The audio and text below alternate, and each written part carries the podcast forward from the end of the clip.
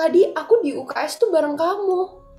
Terus Oh, aku kayak aku kayak emang aku hari ini nggak ke ke UKS Sof? Masa sih Maj tahu nggak kamu ngapain? Ngapain ngapain?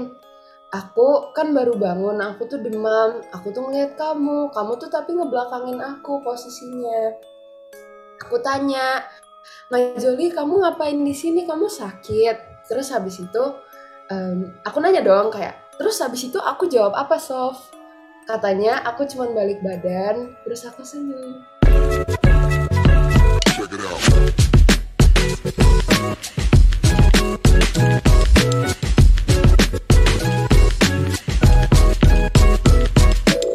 Ya halo kan people, balik lagi sama gue Radit di Kantuman Podcast. Setelah beberapa lama ya gue nggak nge-host, akhirnya gue balik lagi jadi host di Kantuman Podcast.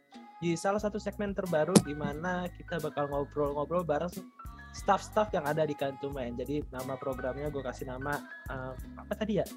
Anjir kok gue lupa sih, Kopkes. Kopdar Kantuman Podcast. Jadi ya ini intinya ya ngobrol santai-santai aja dan karena kita record hari ini adalah malam Jumat, jadi kita bakal bahas hal-hal yang sedikit mencekam, horor. Makanya nih kalian nih, coba kita kita narsumnya dulu coba. Stefan, tolong di spotlight ini semua. Host, eh host itunya narsum-narsumnya. Gila. Rame ya, udah kayak mau kelas online. Ada ada tujuh orang loh di di Zoom hari ini. Jadi ya, kalau misalnya kalian lihat semuanya pakai baju hitam ini kalian pakai baju hitam karena ini kan apa mau ngelayat sesuatu ya nggak? Karena disuruh sih sebenarnya Nah ya bener. tapi nggak bisa nggak ngerti gimmick ya lu pada ya. Ya jadi kita hari ini menggunakan baju hitam karena kita akan membahas hal-hal yang mistis. Dan salah satu narasumber utama kita ini terlahir dari sebuah kota yang bisa dibilang kadar kemistisannya itu cukup kental gitu. Dan kalau nggak salah dia ini dari daerah yang benar-benar keras dan bakal jadi salah satu ibu kota baru di Jakarta di Jakarta lagi di Indonesia. Jadi ada di sini ada Nirin, salah satu staff dari Kantumain. Boleh perkenalan dulu Nirin? Eh, hai semuanya, nama gue Nirin, eh, tapi nama asli gue Nisrina, tapi orang-orang manggil gue Nirin. And then yang kata uh, Kak Radit tadi sebenarnya itu bohong.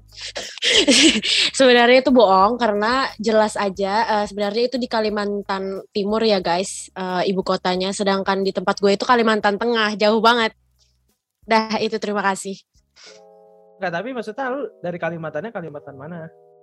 Kalimantan Kotanya ya? Tengah. Kabupaten, Kotanya. Palangkaraya. Palangkaraya, terus Kabu. Iya, tapi kabupaten gue, gue kan tinggalnya di Sampit. Gue tinggalnya di Sampit. Oke, coba Lo luruskan, nanyanya, luruskan dulu nih. Ini kan orang-orang nggak tahu nih kan nama juga kan kita orang masyarakat gue ngomong nanti rasis lagi ya. Tapi maksudnya orang-orang yang belum mengenal Kalimantan gitu. Sampit itu kabupaten atau kota atau gimana gitu? Itu kabupaten. Itu bukan kota-kota gitu, cuma kabupaten doang. Tapi eh, bukan berarti nggak ada listrik ya, oh, tolong. Asal Masalahnya gue bisa zoom kayak gini kan ya pas karena ada listrik. gue mas dan terang kan guys, terang kan guys. Nggak mungkin nggak ada listrik. Tolong. Oke. Dan di sini kita udah ada Gojek segala ya, jadi nggak usah nanya-nanya lagi, please tolong. Ya, selain Nirin kita juga di sini ada ya beberapa host-host yang mungkin kalian udah kenal. Coba boleh dong dari dari Berlin dulu kenalan Ber. Kenalan ulang lagi ya Ber. halo kind people Eh, aku Berlin Eh, jangan bosan ya ketemu sama aku sekarang aku juga ada di program horor-horor ini bersama uh, Karadit dan beberapa um, host lainnya ntar eh, mereka perkenalan udah sih oke boleh perkenalan Ada siapa lagi nih coba dari partnernya Berlin dah. udah siap-siap dari tadi pengen dipanggil nih. Oke. Halo kan people, gue say partnernya Berlin. Biasanya gue podcast bareng Berlin. Pasti kalian terkenal sama suara gue yang merdu banget. Jadi, kenalin semuanya gue say. Oke. Selain saya juga ada host dari Untold Stories. Boleh Majolika Syakira Devi memperkenalkan diri kembali.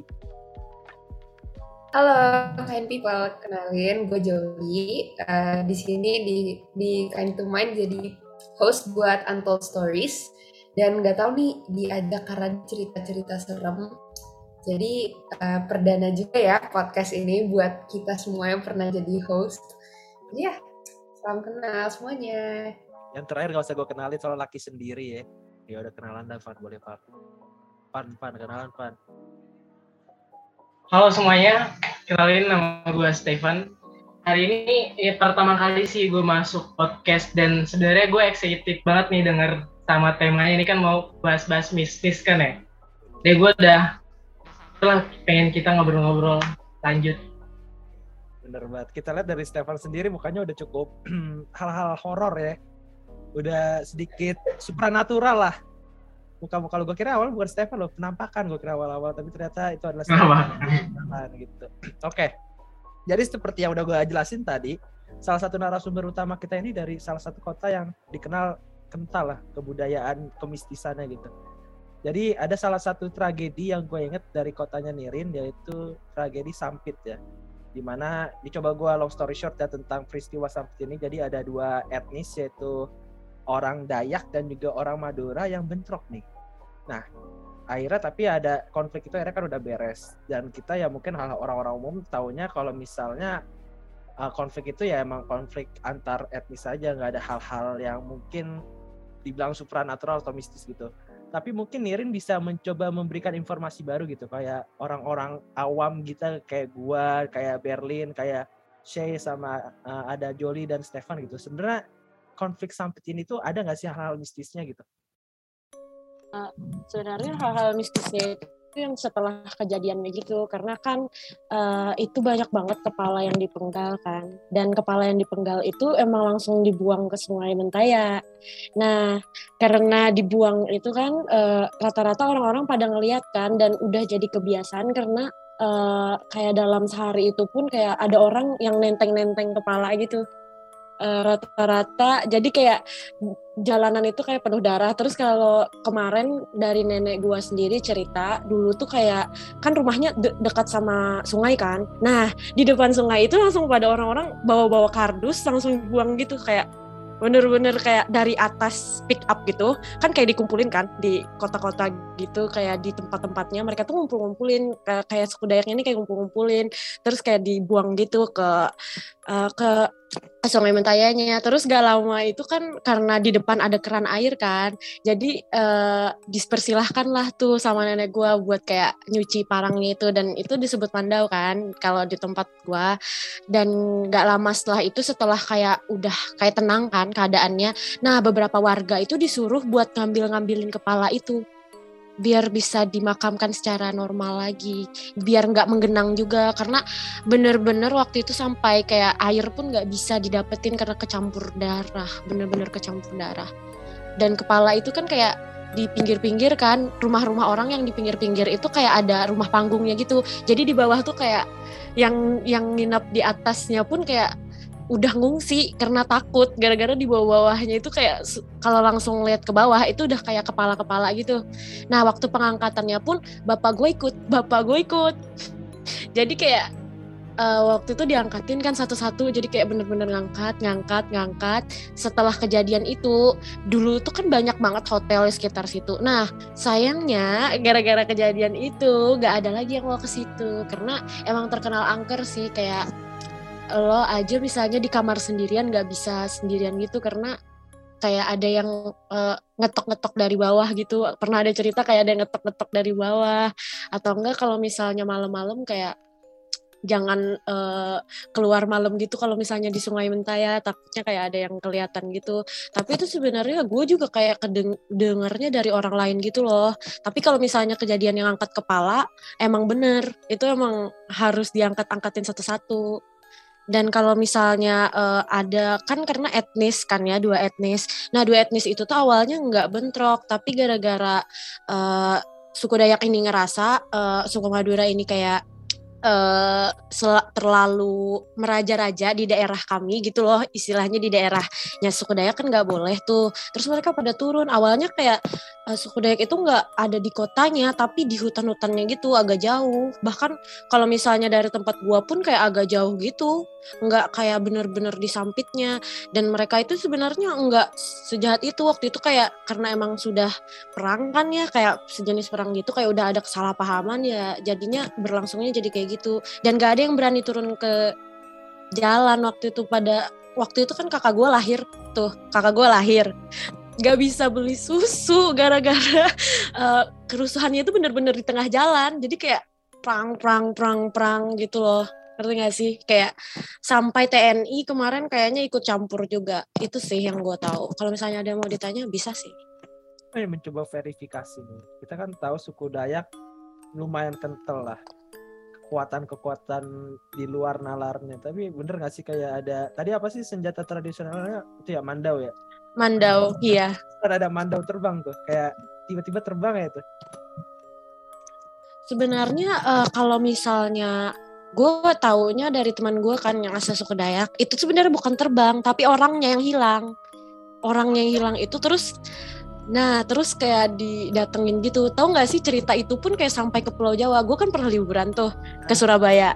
Nah terus ditanyain sama tukang taksinya bener nggak sih ada yang mandau terbang itu? Soalnya belum sampai ke Pulau Kalimantan aja orang-orang yang mau min bau ba- bantuan gitu kayak bala bantuan suku Madura gitu udah kebunuh di kapalnya itu gitu loh sampai ke Pulau Jawanya sendiri sampai ditanyain gara-gara kayak oh dari Sampit yang tempat keserus kesu- kerusuhan itu ya Pak terus kayak ditanyain kan sama eh, si supir taksinya ke bapak gua terus bapak gua kayak bales-bales aja terus yang itu gua kayak kaget ternyata orang-orang pada tahu gitu Nggak, tapi coba bisa dijelasin ulang nggak kayak orang definisi orang ngilang itu kayak gimana gitu? Kayak tiba-tiba orang Eh, ngilang. itu s- sebenarnya gue juga kurang tahu sih tapi kan gue kayak ingatnya eh, itu pakai itu pakai mandau terus kayak eh, ini khusus untuk orang-orang yang kepala kepala sukunya gitu doang sih bukan karena kepala suku siapa sih namanya gue kayak kurang tahu juga. Tapi kata teman gue itu bukan terbang tapi orangnya yang hilang gitu. Kayak hilang aja gitu karena ada ritual gitu. Itu ada ritualnya. Maksudnya kayak hilang, pak kalaupun diketemuin udah keadaan meninggal gitu. Enggak, enggak, enggak hilang kayak gitu. Nanti muncul lagi. Cuma yang bisa ngelihat cuma orang-orang Dayak doang. Keren ya. Jangan main-main. Jadi kayak wujud wujud fisiknya tuh bener-bener hilang gitu. Iya, benar-benar hilang. dari, dari, dari Berlin nih Berlin tadi di chat dia bilang kak aku merinding dengernya lu ada tanggapan gak Ber? Aku sebenarnya kemarin sempat ngeliat yang sampit sama Madura itu dari apa apa mata kuliah pidana khusus aku. Itu bener-bener seru banget sih kayak yang kepala hotel, badan-badan hotel pas aku apa ya kayak pas aku menonton itu rasanya maaf banget kayak pusing banget. Aku ngeliatnya banyak banget darahnya gitu kan. Terus aku ngebayangin orang-orang yang situ eh, semuanya pada apa namanya kalau misalkan mereka banyak banyak yang mati ya gitu kan berarti itu se, eh, namanya mayat-mayatnya ditinggalin aja gitu ya di jalan-jalan kayak gitu terus Enggak, itu kan enggak juga ditinggalin. kan yang kayak tinggal tapi enggak kan ada beberapa Ada kepalanya diangkut-angkutin lagi gitu kan. Mungkin sebelumnya di, iya diangkutin lagi.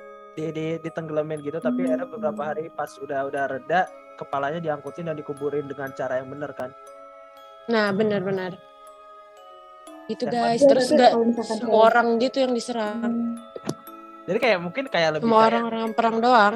Iya kan kayak ya udah antara orang Dayak sama orang Madura aja kan yang perang. Iya, ke- ya tapi itu kan ada dampak semua orang. Kan orang-orang pada takut tuh. Di jalan kan Oh, iya, kayak gitu yang apa? dilihat. Nah, ini ini gue penasaran nih. Ini ada stigma yang bilang kalau misalnya orang Dayak itu tahu orang Madura cuman dari baunya doang. Iya benar-benar. Kan? Ketahuan. Ketahuan. Jadi wah ini emang orang Dayak itu Iya. skillnya itu emang lu lu pada jangan jangan cari masalah sama orang Dayak. Mm, Nggak kayak- gitu. Gue Stefan dari tadi kayak takut banget. Lu lu ada pendapat nggak Van? gue dengar cerita Nerin juga serem gitu kan soalnya kan benar-benar tumpah darah gitu kan benar-benar darah sampai yang tadi Nirin ceritain aja air sungai yang biasanya normal gitu ini, ini malah agak kemerahan gitu kan bahkan sampai-sampai tuh nggak bisa buat diminum gitu kan nah ini Hmm. makanya gue dari tadi tuh agak merinding gitu soalnya pas Nirin cerita tuh gue langsung kayak ngeimajinasiin gitu makanya serem gitu dengernya Saya gimana? Saya lu ada pendapat lain gak sih? Atau mungkin lu malah malah orang-orang tipe-tipe psikopat kan? Aku sudah aku suka darah, aku suka darah gitu. Apa gimana? gue lebih ke jujur ya kalau bahas-bahas mistis itu sebenarnya gue lebih takut sama manusia dibanding sama setan jadi denger cerita ini sebenarnya gue lebih takut yang mereka pas perangnya itu kali ya bukan yang setelah perangnya kan mungkin ya ada yang terbang atau apa gitu gue mungkin biasa aja kalau urusan itu cuman gue bayanginnya lu nebas pala orang terus buang main buang aja itu gue kayak lebih serem di sih sebenarnya Iya sih, kayak maksudnya kalau misalnya setan pun mungkin iya bisa mencelakakan kita, tapi kalau misalnya orang itu bisa sampai kayak ngebunuh orang gitu gak sih? Jadi kayak lebih serem. Ini lebih brutal Iya, kayak lebih serem aja jadi kayak jangan-jangan yang lebih setan sebenarnya manusia ya. Kelak, makanya setan juga bisa minder gitu sama kelakuan manusia gitu. insecure tuh setan sebenarnya Iya. Nah, terus gimana ya? Kalau misalnya tadi kan kita udah udah membahas tentang hal mistis yang ada di Sampit dari pengalaman Nirin gitu. Mungkin dari teman-teman yang lain gitu. Ada ada cerita mistis yang berkembang di daerah kalian gak sih? Mungkin nih dari yang dari luar Jawa dulu kan tadi Kalimantan udah Sumatera dulu lah biar kita bineka tunggal ika kan dari Sabang sampai Merauke nih. Ada dari Sumatera. Kita Jadi, tanya. tapi di sini emang emang rame banget ya yang atu dari mana yang atu dari mana Iya. Ada nggak biar lu cerita-cerita kayak folklore lah, folklore dulu lah. Cerita mistis yang dari Oke. Sumatera. kan jadi kan aku dari Palembang ya sebenarnya kalau misalkan dari eh, kalau yang aku rasain sendiri sebenarnya belum pernah ada tapi kalau misalkan di Palembang itu sendiri terkenal banget namanya eh, hantu banyu Apa apa? nah banyu itu artinya kalau misalkan hantu banyu Hantu banyak. Oke oke oke. Nah, banyu itu kalau misalkan di dalam bahasa Indonesia itu artinya air. Jadi hantu di dalam air. Nah, itu tuh katanya mereka itu banyak di Sungai Musi gitu. Nah, kerjaan mereka itu kalau misalkan suka eh, ada banyak anak kecil gitu eh, masih keliaran pas eh, lagi maghrib. Nah, mereka itu bentuknya Oke, mau, mau dikasih tau nggak sih bentuknya gimana? Bentar, Jadi tuh kayak kepala aja, terus ada kayak isi-isinya, nggak ada badannya gitu. Kayak kayak hampir mirip sama ini enggak sih Nirin apa namanya kuyang Iya kayak Iya, kuyang. Iya bener kayak kuyang. sorry motong ya, bentar biar gue pengen mencoba memverifikasi gitu. Di Kalimantan itu kan ada kuyang, ada ada apa lagi sih? Yang yang sejenis juga yang cuman isi-isian jeroan doang, badannya tuh pala doang terus jeroan-jeroan doang. Itu kayak gue lapar dah, kayak nggak ada dah, kayaknya gue lapar doang dah. lanjut ya Bir, apa lanjutin Bir, hantu banyu, hantu banyu lanjutin. oke nah jadi heeh. jadi hantu banyu ini kalau misalkan kayak banyak banget kayak anak-anak kecil yang di zaman dulu tuh kan kalau misalkan mereka main kan mereka kan mainnya keluar ya nggak main handphone kayak sekarang nah terus jadi eh, sebelum maghrib mereka tuh udah pada disuruh pulang karena kalau misalkan eh, setelah maghrib atau lagi maghrib itu biasanya banyak yang diculikin gitu sama hantu banyunya nah tapi tapi yang aku rasain selama aku di Palembang itu sebenarnya nggak ada sama sekali malah yang aku rasain itu pas aku dulu di Jogja aku cerita kali ya Ya, yang ke Jogja boleh nggak sih Cerita dari cerita. Kalimantan ke Sumatera terus ke Jawa Oke. Indonesia banget gitu Oke, boleh Bir. Nah. jadi pas aku oke.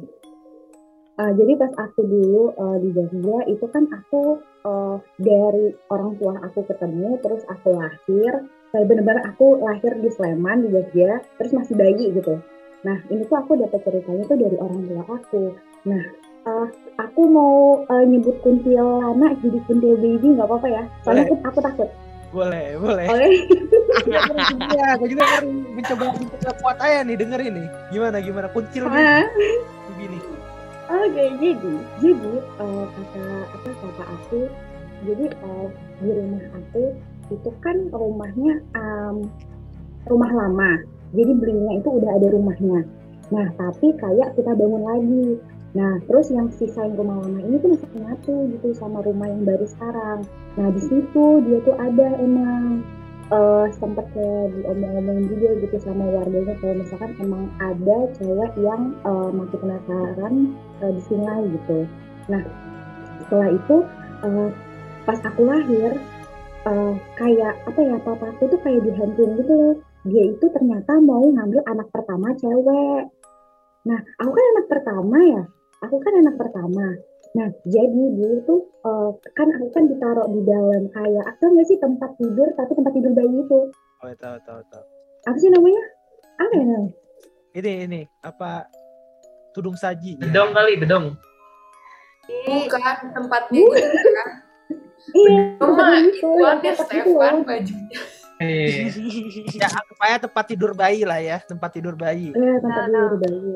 Jadi pas aku di tempat tidur bayi, itu di bawah eh, kasur tempat tidur bayi aku tuh ada kayak apa ya, eh, tutupan bekas sumur. Ya, tutupan bekas sumur gitu. Nah, terus kayak jadi tuh kayak masih bisa kayak apa ya? Kayak nggak tahu sih, kayaknya masih ada lubang, tapi kan di timbun-timbun aja gitu kan. Nah, dia itu muncul dari bawah situ. Nah, terus eh, dia tuh kayak mau ngambil aku, tapi ngambilnya dengan cara masuk ke dalam mimpinya papa aku. Nah, dia itu masuk ke dalam mimpinya papa aku, terus dia kayak ngomong katanya, oh sekarang saya mau ngambil anak. Tapi ini kayak lebih apa ya lebih kasarnya aku nggak tahu tapi pakai bahasa Jawa karena aku orang Palembang aku bisa di Palembang jadi aku nggak ngerti bahasa Jawa jadi aku kayak translating Indonesia aja. Eh, dia bilang kayak "Eh, aku mau ngambil anak kamu gitu karena anak kamu anak perempuan pertama gitu. Dan anak perempuan pertama itu kayak apa ya kalau masih bayi itu kalau di mereka itu kayak baunya tuh harum gitu. Jadi jadi dari jauh aja kecium dia tahu kalau misalkan di dalam tuh ada bayi gitu. Jadi kayak aku tuh mau diambil sama kuntil baby ini. Terus sama papa aku nggak dibolehin kan dimarah-marahin diusir-usir. Terus udah itu eh, udah akhirnya papa aku tidur lagi. Nah terus tiba-tiba papa aku hmm, kebangun kan kebangun ya. Enggak ini ceritanya kayak mimpi di dalam mimpi ngerti gak sih? Ah, paham, paham. Hmm, Inception nah, gitu kan, terus- kayak Inception. Hmm. Nah, terus udah itu udah kan, akhirnya papaku kebangun karena mimpinya buruk banget. Nah, setelah papaku kebangun, akhirnya dia ketiduran lagi. Pas dia ketiduran lagi, yang kedua ini dia mimpi lagi si kuntil baby ini masang muka paling serem dia. Terus kayak papaku langsung kaget pas buka pintu. Jadi ceritanya dia tuh ngedatengin rumah aku, ngetok, pakai muka yang paling serem yang dia punya.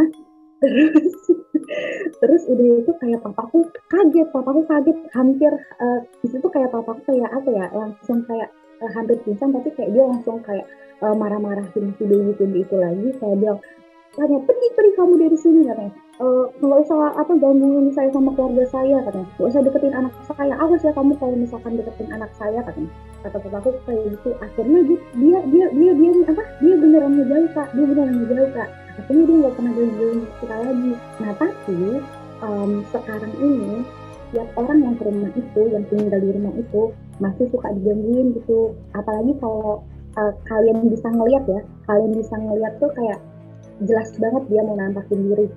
Apalagi kalau suka ngaji atau baca yasin baca surat anas gitu. Kadang eh, tiap malam suka kebangun terus kayak merinding. Terus badan kita jadi panas juga. Soalnya eh, oma oma aku oma sama opa aku pernah tinggal di situ kayak tiga bulan. Nah, mereka ya namanya juga nenek-nenek sama kakek-kakek lah ya. Ya kayak masih agamis banget gitu. Nah jadi kayak suka yasinan suka baca surat surat-surat gitu Ah, terus kayak pas maghrib baca yasin terus kayak badannya jadi panas gitu gak tau kenapa udah gitu aja sih yang aku punya ceritanya dari dia Oh, bisa. kali eh, Gimana, gimana? gimana kak Kenapa tuh Udah duaan aja. Udah gitu ceritanya. Kalau misalkan kalian yang ada di Jakarta gimana? Ada nggak sih cerita mistis? Aku jadi penasaran. Eh mungkin gue coba mencoba mengelaborate dulu ya. Mungkin yang kalau misalnya hantu banyu di di Jawa ya, di kita mungkin kita kenal namanya Wewe Gombel ya nggak sih? Ada yang tahu Iya, Wewe Gombel gak? Atau gue jajan ketuaan? Iya iya. Enggak, Wewe Gombel kan ini kan biasanya kalau maghrib belum pulang tuh diculik wewe gombel loh. Iya iya. Atau kalau misalnya lu main petak umpet malam-malam, eh nanti diculik wewe gombel loh. Sama kan ya Hmm, berarti iya. ya. Tapi yang berarti yang yang yang cerita yang lu pengen diculik Iya. pas bayi sih itu lebih epic sih. Lu tau Sadako gak sih? Yang Jepang ya? Iya, Hmm, Jepang. Jepang, kan bedanya nih Jepang kalau. Sadako, Sadako dari sumur, kan awal dari sumur dulu kan baru keluar dari TV kan. Hmm. Kayak gitu tuh. Biar ini kalau bagus ceritanya. Kalau mungkin dari Joli atau si punya pendapat atau Stefan atau Nirin punya pendapat tentang ceritanya Berlin, apakah janjian Berlin cuma ngedongeng apa beneran terjadi? beneran. Serem banget tuh. Beneran. Tadi gue sempet agak merinding sih kalau misalnya bahas kuntilanak. Soalnya nih dulu Eh, ya waktu gue gue ngeri Fan, demi Allah Fan, jangan Fan. Ganti ganti nama ya, ganti nama. Aku juga takut. Kuntil baby. Ini, ini, ini. Kuntil Besti, Kuntil Besti, Kuntil Besti. BSD. Tapi Kalau kalau gue ngeri, gue ngeri. Eh ini gue juga ngeri nih gue di kamar sendirian. Pintunya gue tutup juga. Iya. Jadi dulu waktu SD gue kan pulang ya, pulang abis maghriban tuh kan di masjid. Ah. Gue jalan sendirian. Emang jalan dari masjid ke rumah gue tuh banyak lewatin kebun gitu. Kadang tuh ada, gue ngelewatin juga rumah yang lama gak kepake. Pernah dengar gak sih teman-teman kalau kalian dengar piik ngomong nih ayam ayam berkokok tapi yang masih anak kecil gitu, yang piik piik piik gitu. Nah katanya kalau ada suara itu tapi nggak ada ayamnya, berarti di situ ada kuntilanak. Ah, Uh, jadi sebut apa? Dan saat itu gue dengar piik-piik ayam. Gue jadi overthinking, tetangga gue punya peternakan ayam masalahnya. Wah, Oh, itu. Nah, nah, kalau misalnya lu tetangga lu mungkin itu jualan ayam fried chicken tau gak lu ayam fried tahu tahu tahu gue tahu tahu. Tapi emang iya sih kayaknya ada yang pipi gitu. Soalnya gue kayak kalau misalnya gue dapetnya lebih paham kalau yang misalnya li- lagi di gunung dengerin suara kayak gitu, berarti beneran ada. Nah beneran. Iya, beneran. Iya kayak gitu. Katanya kalau misalkan suara anjing yang gonggong malam-malam, itu katanya ada. Iya katanya, tapi kan kalau misalnya antara dua itu kalau misalnya di Islam ya menurut kepercayaan saya anut itu katanya kalau antara nggak jin pengen masuk atau nggak malaikat. Tapi bukan Reza Iya, Arab, iya. nggak punya saya, tapi mirip malaikat. Iya. Joli dari ya? tadi gue liat ya supaya Joli dari tadi mukanya gak tenang, gerak gerik. Kenapa sih Jol? Kayaknya sendirian deh di rumah. Tadi tadi lihat gak sih itu tuh tadi pas Nirin lagi cerita, aku tuh kayak gini, itu tuh eh, bunda aku tuh mau pergi, jadi aku sekarang sendirian di rumah. Santai. Yakin sendirian. Jangan gitu, Stefan, lu jangan gitu ya. Ini gue gue memberanikan diri banget buat join podcast ini karena gue sebenarnya penakut juga. Tapi ya gak tahu, gue kan di asrama, jadi karena itu sering banget kejadian kayak gini, kejadian-kejadian yang ya di luar nalar gitu lah. Nanti deh kalau misalnya udah bagian aku cerita, aku cerita. Tapi ini sekarang mau ngapain? Sekarang habis ini siapa yang ngomong? Siapa yang mau cerita? ada ada yang pengen cerita nggak dari dari itu dulu deh. Share deh, share share share share. Soalnya gak mau cerita, kenapa gak sekalian aja langsung brut gitu kan kita udah nungguin tadi. Oke oke. Udah Joli udah lanjut. Jadi, oke. Jadi kalau misalnya tadi kan udah cerita yang emang wujudnya tuh orang lain, maksudnya kayak wujudnya tuh jin atau apa yang kayak bentuknya lain. Kalau di aku itu tuh aku sendiri pernah ngalamin di asrama. eh, kalau misalnya di kepercayaan aku namanya korin. Ada tahu nggak sih? itu ya jin jin jin korin jin korin yang menyerupai Iya kan? Cobain. Ya kan kalau kalau misalnya kayak gitu kan katanya kan kita semua punya eh, jin yang menyerupai kita kan persis. Nah, itu kejadian kebetulan banget ini kejadiannya sama orang yang ikut di Untold Stories kemarin si Sofi. Jadi ceritanya itu em, kan kita di asrama, terus pulang-pulang sore-sore itu biasanya tuh kita nong kayak nyemil gitu jajan. Tiba-tiba Sofi tuh nyamperin aku, dia bilang gini, ehm, Mbak Joli, tadi kamu tadi kamu, kamu udah sembuh? Terus hah sembuh? Terus dia bilang, iya sembuh. Kenapa emang? Enggak kok nggak apa-apa. Terus dia bilang gini, oh soalnya tadi aku di UKS tuh bareng kamu. Terus aku kayak, aku kayak, emang aku hari ini nggak ke ke UKS Sof? masa sih Maj tahu nggak kamu ngapain ngapain ngapain aku kan baru bangun aku tuh demam aku tuh ngeliat kamu kamu tuh tapi ngebelakangin aku posisinya aku tanya Majoli kamu ngapain di sini? Kamu sakit. Terus habis itu em, aku nanya dong kayak terus habis itu aku jawab apa Sof? Katanya aku cuman balik badan terus aku senyum. Terus habis Serem itu banget anjir. aku bilang Kan? aku bilang enggak enggak Sof itu bukan aku. Terus udah itu kejadian yang terjadi sama aku Korin tapi kalau misalnya di asrama tuh kan ya apa ya kesurupan massal itu angkatan aku pernah terus kayak gitu-gitu.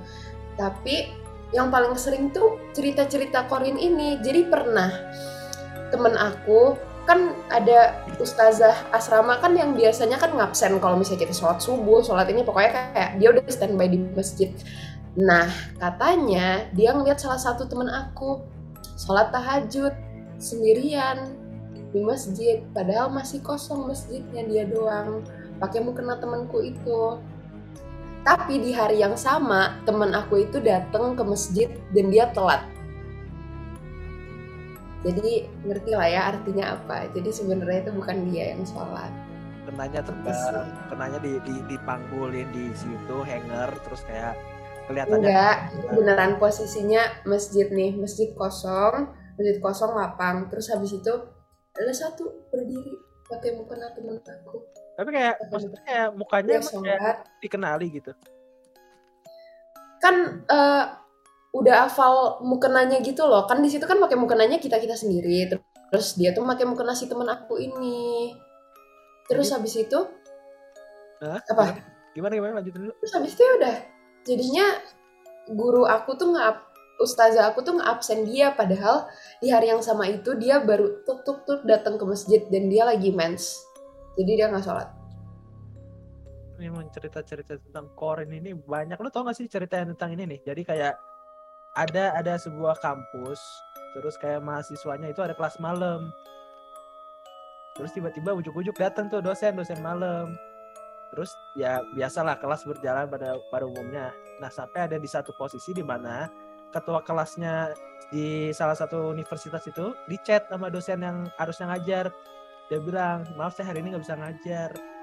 Terus tiba-tiba si KM ini coba memastikan kan dia terus izin tuh pak saya izin toilet ya. Nah satu-satu mahasiswa tuh pada izin toilet. Pas yang mahasiswa terakhir izin toilet tiba-tiba dosennya bilang kamu beneran pengen toilet apa udah tahu kebenarannya? Tahu nggak sih lu cerita kayak gitu? Gue tau gue tau gue tau gue baca gue gue pernah baca. Gue gak tahu semua. Kayak gue beneran Kayak- merinding kan. kalian beneran mau ke toilet atau kalian sebenarnya udah tahu? Jadi Iya. serem banget anjir parah. Dan itu katanya kisah nyata beneran beneran Oh. ada. Dan kalau misalnya kita samain kayak cerita Joli itu emang beneran jin korin ya ceritanya kayak gitu ya berarti ya. Kayak ada seseorang yang menyerupai kita atau orang yang kita kenal dan kegiatan yang dilakukan ya kayak kegiatan yang orang itu biasa lakuin itu iya gak? soalnya soalnya tuh katanya tuh dia tuh beneran ngelihat gua gitu loh dia ngeliat muka gua dia ngelihat dia ngelihat ya kalau misalnya ngapain dia ngomong kalau misalnya itu bukan muka gue yang dipakai gitu ngerti nggak sih padahal itu aku bisa jamin aku nggak nggak ke UKS pas itu kayak gue bener-bener nggak ke sana sama sekali dan dia dia udah katanya ngomong sama gue maksudnya oh dan katanya mereka tuh nggak bisa ngomong atau apa gitu. Tapi kalau misalnya kayak gitu beda dong sama ceritanya Kak Radit yang yang korinnya jadi dosennya jadi korinnya jadi dosen. Korean dan dosen itu udah udah levelnya udah lebih tinggi lah. Ya, tapi maksudnya bener. yang bikin creepy-nya si Joli itu si Jolinya si Joli Joliannya ya Joli Jolian gitu. Nengok cuman senyum doang gitu. Terus serem tuh senyum. Katanya balik badan. Ini gitu. dan apalagi kalau misalnya balik badannya pelan-pelan pelan-pelan kan terus 360 derajat nggak tahu ya muter-muter kan dia. Itu muter-muter 180 kak. Oh, 80 kayak creepy banget gitu kayak cuma nyengir gitu. Terus maksudnya abis itu kayak ada kelanjutan ceritanya nggak? Kayak Sofi kan Sofi kan ya temen lu. Itu kayak langsung cabut aja atau kayak apaan sih lu senyum-senyum? Itu ada gak? Gak ada lanjutan ceritanya tapi emang apa ya buat di asrama tuh emang sering banget kejadian kayak gitu. Ngelihat orang yang harusnya gak ada. Terus soalnya kan dulu kan asrama asrama gua kan ke rawa gitu kan. Jadi dibuatnya dari nothing. Jadi serada banyak gitu cerita-ceritanya. Terus pernah angkatan gue juga kesurupan massal. Kayak awalnya itu tuh cuma satu orang. Terus katanya dia tuh emang itu tuh baru masuk. Itu baru tahun pertama atau tahun kedua dia tuh anak pindahan di, pokoknya kita udah masuk duluan dia sendiri baru masuk gitu. Terus abis itu dia tuh nggak gak betah banget di asrama itu. Kayak dia bener-bener kayak gue mau pulang gitu. Dia nangis tantrum segala. Kan katanya kalau misalnya uh, kita lagi emosional itu kan konon biasanya itu lebih rentan kan. Terus habis itu katanya tuh dia nangis-nangis di kasur. Terus tiba-tiba nangisnya tuh jadi kayak nggak bisa dikendaliin gitu terus habis itu katanya temen aku yang ngeliat dia mulutnya kebuka gede banget. Gede banget. Terus habis itu ya udah deh kayak gitu. Terus akhirnya kan di Rukiah. Tapi posisinya tuh kalau dipikir-pikir ya kalau di tempat-tempat tertentu kan biasanya kayak kalau misalnya di masjid atau di tempat suci itu nggak akan diganggu. Padahal itu nggak sama sekali. Karena uh, sering juga kak kak kelas aku juga ada yang pernah lagi sholat nih. Terus lagi kan ada bacaan-bacaan tertentu yang bikin rada itu kan bikin rada ini ini sama uh, kalau misalnya ada yang kena gitu. Dia langsung pingsan dia langsung pingsan. Kebetulan kebetulan itu gue yang bawa ke belakang juga karena itu sholatnya deket gue gitu. Terus gue bawa ke belakang terus dibacain doa doa terus itu di, kita beneran nahan nahan badan dia nahan kaki dia karena itu pas dibaca-bacain dia beneran teriak sampai nggak selesai gitu sholatnya karena emang kayak badannya panas terus langsung pingsan. Tapi ya gue beruntung banget gue nggak pernah ngalamin kayak Kak Berlin karena jujur kalau kayak gitu itu berarti the star of the show gitu ya. Dan masalah juga kalau Berlin itu bisa bisa nyangkut ke nyawa nggak sih? Kayak nyawa seorang Berlin dipertaruhkan ketika kecil gitu itu bapaknya. Ya ampun Kak Berlin, Kak Berlin masih di sini. Iya. Coba lu kalau misalnya nggak itu, mungkin udah itu biar udah di udah dalam. Iya. Tapi emang kalau misalnya uh, pas kita masih kecil gitu katanya lebih sensitif nggak sih? Betul. Kayak ya, lebih sensitif melihat gitu-gitu. Nah, gue kok cerita mulu ya? Gak apa-apa nggak sih? Ini di santuy santuy santuy. Jadi jadi gue pas kecil itu tuh uh, sama nyokap gue dibawa ke Bali gitu kan. Nyokap gue tuh ada kayak acara gitu sama kantornya. Terus habis itu dibawa lah teman-teman kantornya kan gue yang ikut. Nah katanya gue ngelihat satu om ini uh, nangis terus bawaannya. Kalau ngelihat omnya dari jauh itu tuh katanya gue nangis teriak-teriak kayak nangisnya tuh kayak sampai ngeli kayak sampai ngeli kayak lagi ngelihat sesuatu gitu loh. Hmm. terus tapi di ingatan aku juga emang aku ngeliatnya tuh serem. Padahal sebenarnya nggak ngapa-ngapain uh, omnya ini. Dia nggak pernah nggak pernah ngomong sama aku. Dia kalau deketin aku selalu yang kayak baik gitu kan. Tapi pas dia ngomong aku ngeliat dia terus ya udah deh langsung nangis. Kayak gitu. Banyak tahu teman-teman gue yang ceritanya kayak dari kecil sensitif. Pernah pernah juga cowok gue sih cowok gue nah, dia tuh katanya cerita cerita sama gue dia bilang kalau tidur dia tuh kalau tidur tuh selalu ditutupin sampai kepala. Gua karena gue kalau kayak gitu apa? Gue kalau misalnya kayak tidur nutupin selimut full kepala malah takut sumpah. Kalo iya kan? rasanya kayak lebih lebih sempit lagi nggak sih tempat yang kita tiba kan lagi familiar. ini kan terus gue pengen nengok kanan. Ya waktu gimana? Iya gitu kan? Itulah gitu. yang terjadi. Jadi ditutupin kepalanya sampai atas karena tahu nggak kenapa? Katanya katanya kalau pas dia kecil dia sering banget ngeliat ada kakek-kakek sholat. Berlin sorry sorry Berlin sorry sorry Jol sorry Jol. Lanjut lanjut lanjut. Dia pas kecil ini dia kalau misalnya di kamarnya sering banget ngeliat kakek-kakek sholat di pojokan kamarnya. Tapi mungkin itu apa kalau misalnya di, di kita kan namanya orang tua kan mungkin katanya ada yang kayak jin ngejaga kita mungkin aja itu kali. Jadi dia lebih kayak malaikat penjaga gitu. Meskipun bentuknya kakek-kakek kan. Tapi kan sholat kakek-kakeknya. Ya ya kan banyak setan yang bisa baca al-ikhlas juga ya gak sih? Lu tau gak sih cerita setan dibacain bacaan ayat kursi? Tiba-tiba setannya malah ngerevisi itunya malah ya, di, dia ngebaca yang cara benernya. Kayak panjang pendeknya dibenerin gitu-gitu. Iya bener. Oke, kita Kasih ini kayaknya kayaknya kayak Kasih ceritanya rada banyak nih buat horor-hororan. Kayak saya cerita. Lu Bekasi kan? Bekasi apalagi kan keras. Ya, ya, Hidup Bekasi. saya aja sebenarnya udah horor setiap hari.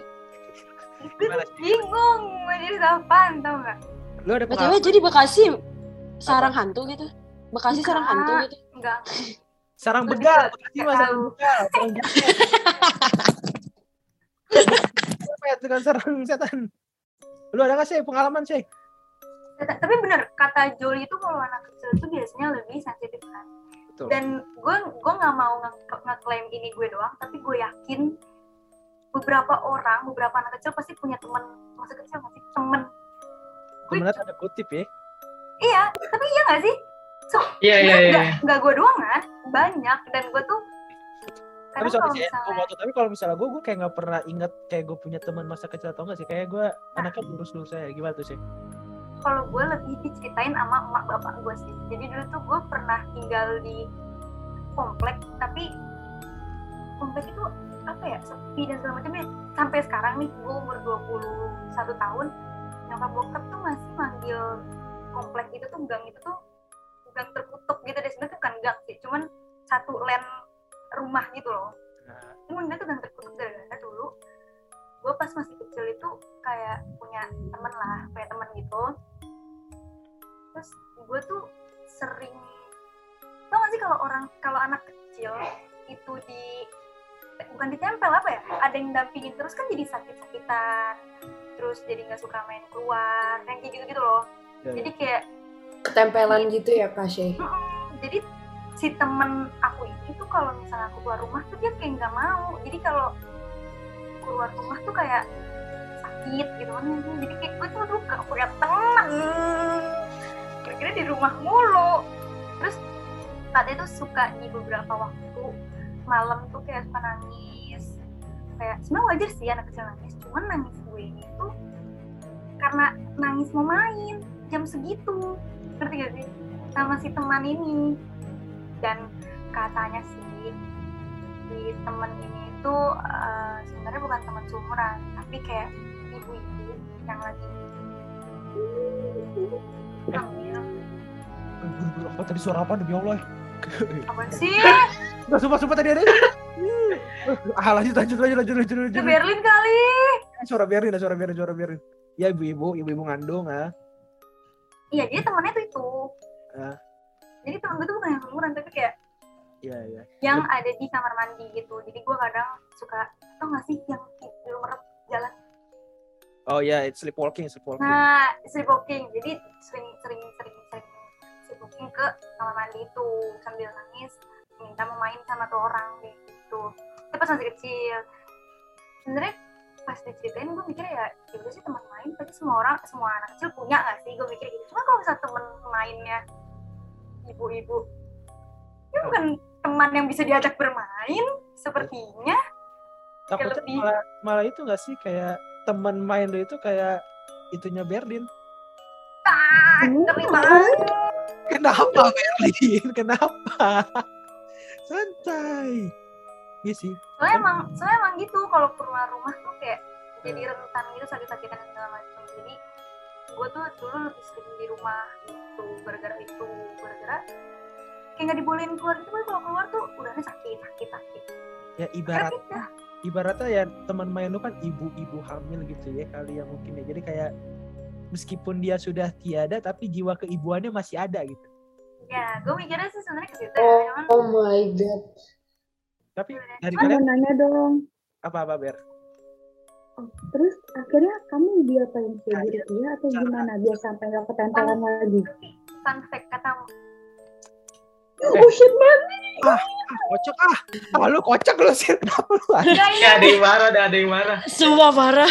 ah, ya, Kayaknya masih masih ditempelin gak sih? Eh enggak enggak, enggak bercanda bercanda. ya ini demi Allah di eh bawa Allah gimana nih gue di ruangan sendirian Kenapa? Kenapa? kenapa lu mau lu mau gue tunjukin gak kalau gue bener-bener sendirian Ya Allah. Di Kenapa tadi lu? Kenapa anjir tadi Ya, tiba-tiba? terus Kenapa tiba-tiba mati? nggak tahu listriknya, listriknya lampu baterainya udah jelek, lampu baterainya udah jelek. Iya. Ya, baterainya udah jelek. Jadi ya emang suka nge-lag gitu. Gimana Mencoba berpositif thinking banget ya. Iyalah. Jadi gini guys. Nah, terus. Jadi gue nyampe mana deh? Tah, ah, cerita. Fun fact, fun fact. Singnya. Kan si, Ah, si, fun fact. Gimana? Eh, tadi gimana? Eh, ya Allah, gue lupa. Yang Rukiah, Rukiah. Oh iya, fun fact ya, kata emak gue dulu gue pernah di Rukiah. Gue bener-bener pernah di Rukiah. Yang bener-bener dijorokin kepalanya gitu. Enggak, enggak gitu. Enggak, enggak dong. Anda baru pulang dari Holy Wings mungkin dijorokin gitu palanya. Iya kalau itu.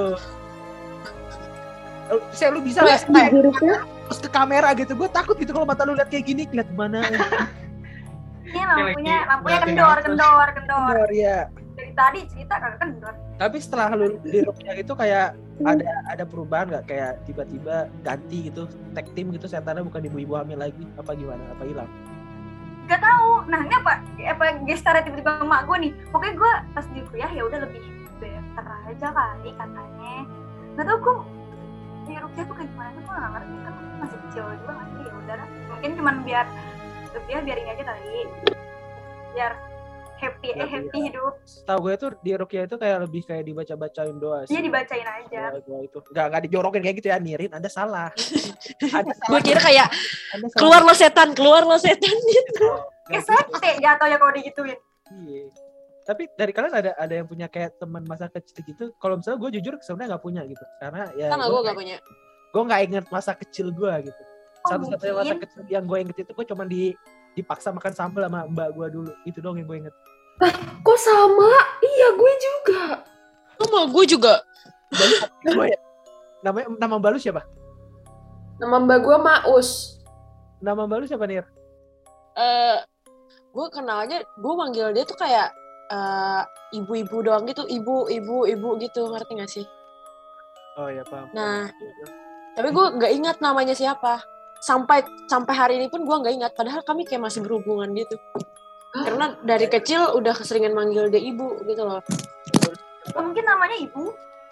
Bukan ibu. eh, kalau di sini kami sebutnya gitu, eh, mungkin ini kayak peralihan gitu kan kayak tante atau siapa gitu. Eh, tapi gue bingung gitu loh cara bahasa Indonesia ini gimana. Pokoknya kalau misalnya ini kan ada campuran bahasa Banjar gitu kan. Jadi kami manggil dia itu Acil, ngerti nggak? Nah, karena dimanggil Acil gitu, kayak sampai sekarang tetap dipanggil Acil gitu. Terus gue kayak kalau misalnya Oh, ditranslatein ke bahasa Indonesia mungkin antara bibi atau ibu gitu. Gue gue jelek banget bahasa Indonesianya ya Allah. gue jadi paham kenapa akhirnya Kalimantan jadi ibu kota gitu. Ternyata punya bahasa sendiri kayak Jaksel gitu. Itu alasannya mungkin ya. Jadi akhirnya jadi anyway tadi gimana gimana biar anyway tadi kan Kak Radit nanya ada yang punya teman masa kecil juga nggak? Nah, kebetulan aku ada. Kebetulan aku ada pas kecil. Tapi pas eh, nggak yang pas di Palembang, pas di masih di sana juga. Nah jadi dulu kan temen tante aku itu sering main ke rumah. Nah tapi eh, ada pas eh, malam-malam itu abis maghrib aku ngeliat ke jendela. Terus kayak kami berdua tuh ngobrol. Terus sampai kayak aku tuh ketawa terus ketawa terus kayak sering banget ketawa sampai ngakak-ngakak gitu. Terus kayak tante aku sama temennya tuh gini soalnya di jendela tuh nggak ada orang sama sekali. Kok aku bisa ketawa-tawa ngobrol gitu? Kayak gitu itu itu apa Enggak. di home lagi benerin kabel. Nggak ada orang kan Radit. ya lagi turun. Aku gue suka gitu biar gue ngeri Tapi- kayaknya ada yang duduk deh di jendela itu. Gimana sih gitu Tapi ada yang bilang memang biasa tuh yang punya teman masa kecil tuh yang biasanya kan sering sendirian di rumah. Kalau enggak emang orang-orang yang maksudnya eh, anak-anak kecil tuh yang kayak ditinggal sering ditinggal sama orang tuanya gitu loh. Jadi bikin teman imajinasi sendiri gitu. Ada yang pernah bilang kayak gitu kan? Ada yang pernah sih emang rata-rata orang tuh bilang kayak gitu. Stefan nih mas Stefan punya juga Enggak, enggak. Gue nggak punya, Kak. Gue itu orangnya yang nggak sensitif banget. Soalnya gue pernah ngecek sendiri si si kepo tuh kata Si- bisa lihat Kepo, gue sensitif nggak ya? kepo gimana pernah kan gue cerita ya ke temen gue ya kalau keluarga gue tuh punya keris sama kujang. Nah terus kata temen gue nih katanya kalau misalnya keris sama kujang ada isinya kalau dipegang tuh tangan lu panas. Nah kalau misalnya lu sensitif lu panas tuh. Nah ini gue bener gue coba tuh kan ke rumah gue pegang dua-duanya set. biasa aja nggak ada apa-apa. Berarti gue nggak sensitif emang. Bahkan gue pernah Gimana gimana? satu motor sama sepupu gua yang indigo. Itu malam-malam kita ngelewatin yang emang daerahnya itu angker gitu ya. Dia kan di belakang gua ya. Jalan naik motor langsung pas mau ngelewatin daerah itu dia langsung meluk kencang gua. Kayak takut-takut gitu loh kayak dia ngelihat sesuatu. Nah gua kan sebagai orang yang gak sensitif bingung gue ini gua harus santai apa gue cepetin gitu. Panik. Iya gue gue ngeliat tapi gue tuh lihat. Akhirnya gue gue tambahin dikit lah. Tapi kalau misalnya tadi gue dengar cerita Kasih gitu ya coba kalau Kasih bisa lebih berdamai lagi mungkin ceritanya bakal lain kayak teman gue dia ini sampai sekarang dia punya teman masa kecil. Dan teman masa kecilnya itu bisa ngasih tahu jawaban kalau dia ulangan. Nah. Wah, Itu beda menguntungkan generasi ya. saya teman kecilnya kan saya teman kecilnya beda generasi. Kan tadi kan kalau misalnya ibu-ibu hamil kan, mungkin temen lu kayak satu sama teman-teman lu itu kayak maksudnya kayak satu satu Gen Z lah ya. Gen Z. Jadi bisa Jawaban yang dikasih tahu bener gak, Van? Nah, itu pertanyaan. bener Anjir, bener pinter. Lulusan S2 ya di Oxford. Anjir, pinter gitu. Tapi menurut tapi gue dia sekarang gimana gimana? itu su- kayak nahan-nahan nggak mau nanya sama temennya itu soalnya kan takutnya malah jadi percaya sama hal yang lain kan bukan aneh gitu Iya takutnya nanti yang dapet beasiswa S2 bukan temen lu yang beneran. Malah temennya temen lu. Tapi yang menurut gue yang yang keris itu lumayan epic sih. Lu tahu kan apalagi lagi covid gini kan. Kan kita sama-sama tahu termogan ya. Mungkin bisa tuh jadi alternatif termogan pakai keris. Tapi buat itu buat deteksi yang indigo dong, Kak Radit. Ya, tapi Oh, kan bener. juga kalau misalnya eh, itu nggak panas berarti lu aman nggak nggak covid. Itu kenapa ada yang lewat tadi nirin. Itu kakak gua, kakak gua, kakak gua. Jangan karena takut. kayak jalan di atas air lagi Kayak jalan di atas air. Eh, iya. Gue nggak sendiri guys, makanya gue nggak takut gitu. Ya masih Aman nih lampu, lampu gue aman nih gue nggak cerita. Jo lo aman. aman Jo Jo. Kayaknya kayak masih nungguin gitu nggak sih kayak di depan lokasi kayak dia tuh lagi Rumah lo ya.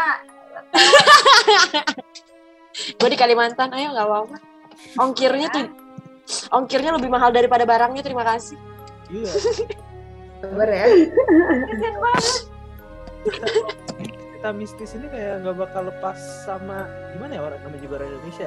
Beberapa isu kesehatan mental ini sering banget dianggap kayak sebagai sebuah fenomena supranatural gitu. Iya nggak sih? Kayak mungkin kayak beberapa Iya. dari kayak ada temen lu yang ngerasa depresi tapi dibilang kayak ya udah lu coba rukiah aja kan aja sembuh. Kayak seakan Nah bener bener bener. kesehatan kesehatan mental ini jadi jadi apa ya kayak dianggap hal-hal mistis gitu nah terlebih kayak Nirin kan dari ya notabene-nya daerah yang gue gimana ya ngomongin cara biar gak terlalu jahat ya. Maksudnya kan kok mungkin kalau misalnya di ya kita harus akuin lah kalau misalnya Indonesia ini lumayan Jawa sentris lah kan iya gak iya gak aja Ya bener bener. ada, beber- ada informasi yang di Pulau Jawa itu lebih cepet tapi di Kalimantan kayak baru masuk. Nah kayak isu-isu kesehatan mental sendiri kalau misalnya di Kalimantan itu ditanggepinnya gimana Nir? Eh, nggak ada yang sampai dibawa ke rukiah gitu sih tapi kayak eh, kalau misalnya depresi orang-orang masih belum percaya gitu. Kan gue pernah cerita tuh di eh, rapatnya HR kan kayak gue cerita tentang teman gue ini ada kelas dia itu beneran punya panic attack sama dia itu punya anxiety. Gimana sih cara nyebutnya gue kurang ngerti. Terus terus dia di terus kan waktu itu pernah kambuh di sekolah kan terus guru-guru tuh pada nggak percaya meski dia tuh udah nunjukin surat dari psikolognya. Terus ada juga guru yang bilang gini, seumur umur saya nggak pernah ngelihat penyakit yang kayak kamu beneran penyakit kah itu? Gitu guru bilangnya. Jadi berarti masih kayak dianggap sepele banget ya kalau misalnya di di daerah Sepele banget. Nah, Emang mas udah ada psikolog sama psikiater kan, tapi tetap aja yang nggak penyakit yang by anu kayak cuma penyakit-penyakit yang dibuat-buat gitu, dibilangnya so depresi belum meninggal kok gitu. Dan kebetulan di sini kita kedatangan seorang mahasiswa psikologi. Ya, halo Joli, apa kabar Joli? jangan jangan tegang gitu lah. Udah, udah beres nih bahas cerita orangnya udah beres nih, udah beres nih, udah beres. Gimana nih kalau menurut tanggapan lu nih, Jo? Sebagai seorang yang insya Allah calon praktisi di bidang psikologi, Amin. Amin. Saat fenomena di daerah Nirin dan bahkan di daerah kita sendiri di Pulau Jawa itu sebagai apa sih? Eh, nggak tahu ya sebenarnya kan emang kayak gitu ya eh, stigma orang Indo kalau misalnya menghubungkan eh, penyakit-penyakit mental dengan kondisi kondisi spiritualnya mereka padahal kan itu nggak benar kan sebenarnya Eh, aku tuh awalnya juga bukan bukannya aku nggak percaya cuman kayak emang banyak banget kan yang ngomong kayak gitu tapi kayak aku belum pernah ngeliat gimana ya aku tuh baru tahu sendiri kalau misalnya di psikologi pas aku setelah aku belajar psikologi itu ternyata emang emang itu tuh ada kelainan di otak gitu yang membuat mereka berfungsi berbeda dari eh, manusia-manusia yang eh, lain. Tapi emang itu sebenarnya beneran ada and pas denger ceritanya Nirin yang gak dianggap kalau sakit dia sakit beneran itu kan sedih banget ya. Apalagi kan sebenarnya dia udah ada bukti nyatanya kalau emang itu sebenarnya ada gitu. Dan ya gitu. Kayak gitu sih Kak Radit. Sebenarnya ada cuman sedih aja kalau misalnya di Indonesia ini emang banyak banget yang tanggapannya harus dibawa rukiah atau ini gak bener. Cuman ya emang banyak kasus di mana kese apa namanya penyakit penyakit mental tuh dianggap sesuatu yang dipengaruhi oleh setan. Padahal kan itu nggak benar gitu. Betul. Nah benar-benar apalagi kan kalau misalnya gue pernah curhat kan kayak sama orang tua gitu. Eh, bukan orang tua gue tapi kayak eh, kayak orang-orang di sekolah atau guru-guru gitu. Terus responnya gini dibilangin kurang ibadah kan kamu? Kamu biasanya nggak pakai kerudung juga kan? Gitu. Gue kayak ya gue kan stres wajar nggak sih kelas 12 Yes. kayak stres banyak gitu. Terus dibilangin kalau misalnya sampai nangis atau enggak yang waktu 2020 tuh kayak orang-orang mental breakdown kayak massal gitu nggak sih? 2020 kayak deepest-nya orang-orang itu pas di situ. Pada nggak bisa pada nggak bisa kayak ngasih saran gitu. Dibilang kayak banyakin sholat aja banyakin sholat sunnah aja gitu guys. Ya, gue bingung mungkin sholat emang bisa membantu ya dari menenangkan pikiran. Ya, bisa. Misalnya di, harus cuman ikhtiar kita cuman sebatas sholat, menurut gue kayak belum maksimal gitu. Kita harus tetap kayak mencari pertolongan dari orang yang benar-benar ahli dan gimana kita mau mencoba mencari pertolongan para ahli. Tapi kalau misalnya kayak lingkungan kita itu kok suportif gitu, kayak apa-apa dibilang ah ini mah kamu diganggu setan udahlah kita ke orang pinter aja ayo kini ke ustadz sini aja kit mama punya kenalan ustadz ini katanya bagus rukyahnya punya temen jin korin gitu. Nah kalau misalnya di daerah Berin sendiri gimana? Kan di Sumatera nih Ber apakah punya pengalaman yang sama kayak Nirin apa gimana? Enggak sih kalau, eh, kalau misalkan di Sumatera sendiri sebenarnya eh, masalah depresi sama kayak gitu udah eh, cukup melek ya masyarakatnya. Nggak terlalu yang kayak bilang ah mungkin kurang ibadah atau eh, banyakin deket sama Tuhan. Enggak juga. Kalau misalkan di sini itu kebanyakan juga kayak guru-gurunya kalau misalkan emang si anaknya ada penyakit bipolar atau ada depresi sebelumnya itu emang kayak mereka dari guru BK-nya aja punya cara khusus gitu untuk mereka sendiri. Tanpa tanpa pengecualian kayak ah, maksudnya diistimewakan tuh enggak cuman kayak ada cara khusus gimana caranya untuk bisa ngehandle anak ini biar dia bisa eh, belajar juga tetap bareng-bareng kita tapi enggak ganggu gitu penyakit yang dia punya Eh, dan menurut aku dengan adanya kayak platform-platform apa ya mental shop yang kayak kita gini itu menurut aku udah sangat sangat membantu banget gitu. Apalagi untuk wilayah-wilayah yang kayak tempat Miriam sendiri gitu. Salah satunya bisa apa ya memperkenalkan oh ternyata tuh yang ada penyakit mental tuh beneran ada. Bukan karena eh, apa sosial kultural kita dengan yang kayak mistis-mistis ini akhirnya dihubung-hubungin ya enggak gitu. Gimana caranya dengan adanya platform-platform ini terus adanya informasi eh, kayak apa ya harapannya tuh biar bisa buat masyarakat khususnya Indonesia bisa melek lagi gitu tentang kesehatan mental.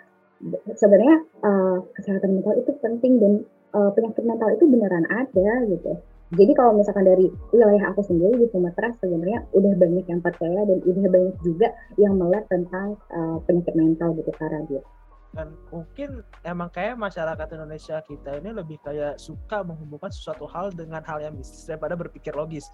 Misal tadi kayak saya bilang kayak anak kecil yang dikatakan punya teman masa kecil itu rata-rata anak yang lahir miring boleh duduk nanti off off offset tuh nanti. Nah, nah kayak misal sorry gue ulang kalau anak-anak kecil yang punya teman masa kecil itu bisa dibilang lahir dari keluarga yang orang tuanya sibuk kayak gitu-gitu. Jadi akhirnya mereka mencoba mengimajinasikan teman yang bisa mereka dapatkan gitu. Iya nggak sih, saya? Benar-benar. Nah, nah, mungkin Stefan punya pendapat nih, Stefan. Ya, kalau ditanya daerah gua udah mulai kesehatan mental atau belum, jujur li, gue kan ini kelahiran Jawa ya, orang tua gue murni Jawa Tengah, bahkan desanya pun deketan gitu. Tapi gue dari PAUD udah di Jakarta. Jadi gue belum terlalu ngerti di, di daerah gua tempat gue lahir tuh sentimentalnya seperti apa gitu pandangan uh, masyarakat di sana. Tapi kalau gue kan tinggalnya waktu masih sekolah itu di Jaksel dan di situ rata-rata udah lumayan melek sih tentang kesehatan mental. Bahkan waktu gue SMA ada organisasi yang kerjasama sama sekolah gue dan kebetulan organisasi ini tentang kesehatan. Jadi kesehatan mental juga ikut diedukasi di SMA gue gitu sih Kak Rabi. Kalau misal gue lihat berarti kayak gimana ya? Kayak masih jomplang ya edukasi tentang kesehatan mental antara di Pulau Jawa yang bisa dikatakan di daerah Jakarta dan sekitarnya dengan apa yang terjadi sama Nirin itu. Sampai bahkan tadi ada perbandingan yang jelas banget gitu. Dari sekolahnya Stefan bahkan bisa ngajak kerjasama lembaga pendidikan buat bahas tentang kesehatan mental dibanding dari sekolahnya Nirin yang bahkan guru BK-nya aja kayak menganggap kesehatan mental itu bukan kes isu yang beneran ada gitu. Jadi masih lumayan jomplang dan di sinilah kita kain to main hadir gitu. Gila gue gue penjilat banget dah gila peres banget gue tapi maksud gue peres kayak yang tepuk tangan lagi nih staffnya gila sih. Ya ya maksudnya itulah itulah fungsi kita kehadiran kita tuh ada itu maksudnya kayak buat orang-orang yang masih belum punya kesempatan untuk mendapat lingkungan yang suportif mungkin kayak bagaimana Nirin di Kalimantan masih kayak adanya stigma-stigma dari masyarakat yang seperti demikian bisa merasa kayak ada orang yang support gitu ke dia. Ya nggak Nirin? Uh, sebenarnya kalau misalnya ada yang support pengen sih kayak dibicarain sama kayak uh, lembaga sekolahnya gitu. Cuma bahkan uh, sebenarnya isu-isu kayak gini tuh masih kayak jadi gibahan guru gitu. Ngerti nggak sih kayak isu-isu anak-anak sekolah gitu? Kalau misalnya kita ke ruang BK bukannya dapat penyelesaian tapi masalah kita itu sebenarnya diketahui banyak orang bukan dari luar lingkup itu tapi kayak di lingkup guru pada tahu semua. Emang mereka kayak nggak nunjukin kan kalau mereka tahu tapi kayak ada suatu saat pasti mereka kayak keceplosan gitu. Jadi kayak masa lalu itu cuma dianggap sebagai cerita cerita yang yang menarik aja ya buat didongengin ke guru-guru yang lain. Padahal ya iya. kalau itu kayak lebih kayak resah keresahan yang lu rasain gitu. Jadi ya ya inilah tugas dari pemerintah dan kita sebagai anak-anak muda Indonesia ya Allah untuk bisa lebih mengedukasi gitu tentang kesehatan mental ini. Jadi ya balik lagi harus gue ingetin kalau misalnya isu tentang kesehatan mental ini bukan bukan sebuah isu supranatural yang bisa melu, bisa dikaitkan dengan setan-setanan, kuntil baby, kuntil besti, pocoski, tulski dan lain-lainnya gitu. Ya, ini isu yang beneran nyata gitu. Ini beneran terjadi kepada anak-anak dan remaja dan bahkan orang dewasa di Indonesia. Jadi ya kita sebagai orang yang bisa aja terkena dampak dari kesehatan mental itu sendiri seharusnya bisa bisa lebih melek lah dengan adanya isu ini gitu. Oke, mungkin ya itulah tadi pembahasan tentang kesehatan mental dengan hal mistis yang coba saya kait-kaitkan lah biar ada hubungannya dengan kesehatan mental. Kalau enggak nanti saya dipertanyakan kualitasnya sama Almira dan juga Luis. Tapi maksud gua itu relate nggak sih? Kalau misalnya di Indonesia masih ngaitin kayak isu kesehatan mental sama hal-hal mistis. Oke, mungkin dari Joli dan dari Nirin, dari Berinche dan Stefan punya closing statement? Atau mau perwakilan aja nih? Perwakilan aja dah. Boleh, perwakilan. Aduh, siapa ya gue ya? Doli ah sebagai anak psikolog. Nah bener-bener Oke. bener. Closing statement.